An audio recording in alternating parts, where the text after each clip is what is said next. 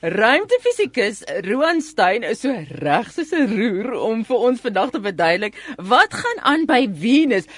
Met 'n naam soos daai sien ek net romans in pink. O ja, natuurlik, natuurlik. Dit is natuurlik die uh ek dink dit is die Griekse god en dit is ook natuurlik die enigste planeet in ons sonnestelsel wat na 'n 'n vroulike wat soms nou in Engels noem 'n deity vernoem is. Maar ehm um, ja, vandag is ons tweede episode as dit ware van ons reeks oor elke planeet in ons sonnestelsel. Ek's baie opgewonde daaroor. En daarom praat ons vandag oor die tweede planeet, soos jy genoem het, van die son, en dit is natuurlik die planeet Venus.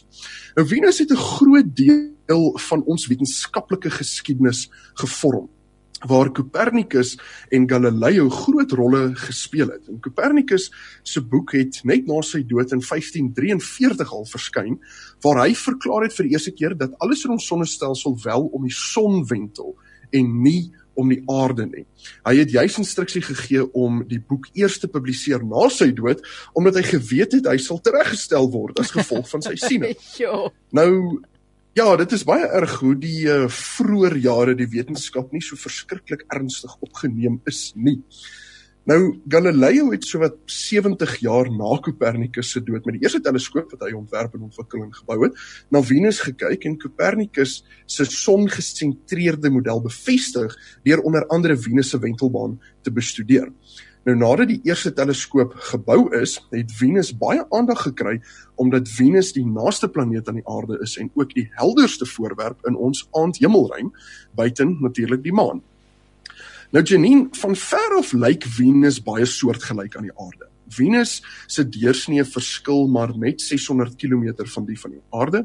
Venus se massa is 85% van die aarde se massa en dis is die versnelling weens gravitasie baie dieselfde. Uh, die aarde se versnelling weens gravitasie is 9.8 meter per sekonde kwadraat en Venus se is maar 8.8 meter per sekonde kwadraat. 'n Relatiewe klein verskil. Daar word baie keer na Venus verwys as die aarde se sustersplaneet. Omdat Venus soveel nader is as enige ander planeet, het ons al as se mensdom al meer as 40 ruimtetuie na Venus toe gestuur om observasies te gaan doen en foto's te neem ensovoorts. Maar Janine, dit is baie vinnig, baie duidelik het dit geword dat Venus en die aarde glad nie dieselfde is nie. Uh dit wat ek nou genoem het tot dusver is omtrent alwaar die aarde en Venus min of meer ooreenstemming toon. Kom ons begin aan die buitekant van Venus. Die hele planeet is omtrek deur swaalsuurwolke. 'n Mens kan glad nie die oppervlak sien in die gewone witlig spektrum nie. Die atmosfeer van Venus is 96% koolstofdioksied en dit is die swaarste en digste atmosfeer wat ons in die sonnestelsel aantref. Om jou idee te gee, die digtheid van die atmosfeer op die oppervlak van die planeet is 65 kg per kubieke meter. Dit beteken elke 1 meter by 1 meter by 1 meter blok lug weeg 65 kg. Uh, Daardie tipe digtheid is dieselfde wat ons 1 km onder in die see aantref. Dit is uh, die atmosferiese druk is ontsaglik hoog. Dit is dis amper 92 keer meer as wat ons op die aarde se oppervlak kry by seevlak. Uh dit is onsaglik. Die die gemiddelde temperatuur, as ons nou oor temperature gaan praat, is 460 grade Celsius. En ongelukkig word dit nooit koeler nie. As gevolg van die dik atmosfeer kan die son se hitte net inkom en nie uitgaan nie. En dus sien ons 'n weghol kweekhuisgas effek. En omdat die planeet net 3 grade gekantel is ten opsigte van sy rotasieas, is daar ook basies geen seisoene nie. Dus koel daar nie eens 'n gedeelte van die planeet ooit af nie. En die koelste gedeelte van die planeet is op die hoogste piek van die hoogste berg met die naam Maxwell Montes en daar slaan die kook 'n heerlike 380 grade Celsius. Onthou dis nou die koelste gedeelte van die planeet. Nou kom ons kyk na die tydskale op die planeet. 1 jaar is 225 aardedae. Dit is nou hoe lank dit neem vir die planeet om een keer om die son te wentel. En een dag is 243 dae. Dit is die langste dag in ons sonnestelsel. En nie net voel dit asof tyd basies stil staan op Venus nie, maar die planeet se dae word maar merkwaardig langer uh, daar was 'n 16 jaar tydperk tussen ruimtetuie wat die planeet besoek het en daar is vasgestel dat in hierdie tyd het die dag op Venus met 6.5 minute verleng. Nou kan jy jouself net indink hoe onheilspellend dit op hierdie planeet moet wees en dan word die dae ook net langer. Nou kom ons kyk na water op die planeet. Die vinnige antwoord is natuurlik geen water op hierdie planeet is nie. Dit is die droogste en dorste planeet in ons sonnestelsel. Maar dit gaan effens verder as dit. Daar is genoeg bewyse om te kan sê dat daar was baie lank terug water op die planeet. Uh maar as gevolg van die weggol kweekhuisgaseffek het die temperature begin styg en die water het begin verdamp. Nie net het die water verdamp nie, maar die toestande op die planeet het wat ons noem fotonontbinding veroorsaak. Dit is 'n chemiese reaksie wat plaasvind as gevolg van soveel energie wat oorgedra word dat die waterdamp afgebreek word tot sy fundamentele boublokke waterstof en suurstof. En om die kersie op die koek te sit, Omdat die planeet so stadig om sy eie rotasie as wentel, is daar basies geen magneetveld om van te praat nie. Ons het al vroeër gesê dat 'n magneetveld beskerm 'n mm. uh, planeet teen die gevaarlike sondeeltjies van die son. Dis bestraal die son die planeet tot so 'n mate dat die waterstofdeeltjies wat afgebreek het van die water nou weggewaai word in die ruimte in uh, deur die konstante sonwind. Nou daar is nog soveel aspekte van Venus wat ons kan bespreek, maar elke aspek kom op dieselfde gevolgtrekking neer. Venus is nie 'n goeie of lekker plek vir die mens nie. En dit bring my by Romeine 1:20 wat sê want hulle kan sy onsigbare eienskappe, naamlik sy ewige krag en sy goddelikheid reeds van die skepping van die wêreld af duidelik in sy hande werk waarneem.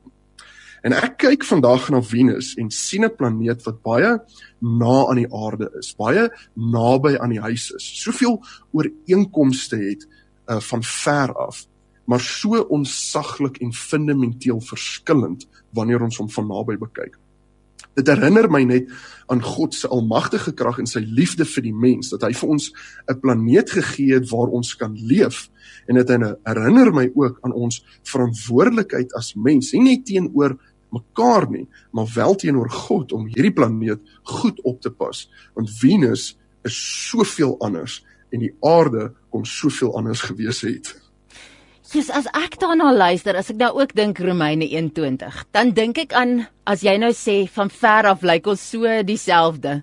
Ek het gister 'n onderhoud gehoor wat hulle met 'n mens gehad het van 'n ander kerk en ek gaan nou daai kerk in aanhalingstekens sit waar dit yes. so waar klink wat die mens sê.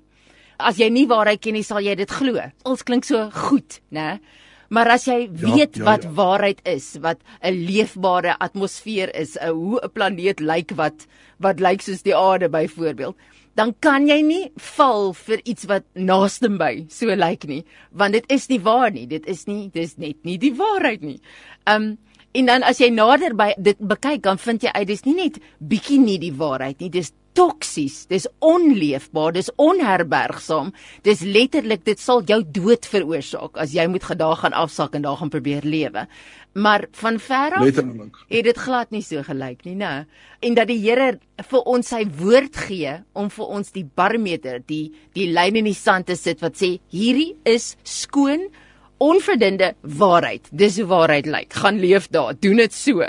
En as jy dit nie doen nie soos wat jy nou sê, ons pas dit nie op nie en daai dis hoe dood lyk, dit help nie. ja, dit is absoluut die waarheid wat jy daar sê. Dit is um uh dit is baie van 'n wetenskaplike oogpunt is dit is dit regtig kan mens eintlik dit reduseer deur te sê Venus is dood en aarde is lewe. Ja. En ons is so naby aan mekaar gesit. Ehm um, as ons kyk ons het ons het laasweek gepraat oor Mercurius. Hy's soveel kleiner. Ehm um, hy's so groot soos ons maan. Ehm um, en dan het ons uh, in vol volgende week gaan ons oor Mars praat. Hy lyk ook nou weer heelwat anders as die aarde. Maar Venus en die aarde uh lyk baie dieselfde. En as 'n ou nie gegaan het en gaan kyk het of die tegnologie ontwikkel het nie, sou ons nie dit geweet het nie. Uh, dat hoe onheilspellend hierdie planeet is. En uh elke keer as ek na Venus kyk, dan is ek net dankbaar vir die aarde. Halleluja. Lewe waarheid en regte egte water. Daar het jy dit Venus. Geromeine 21 deur Roan Stein vandag.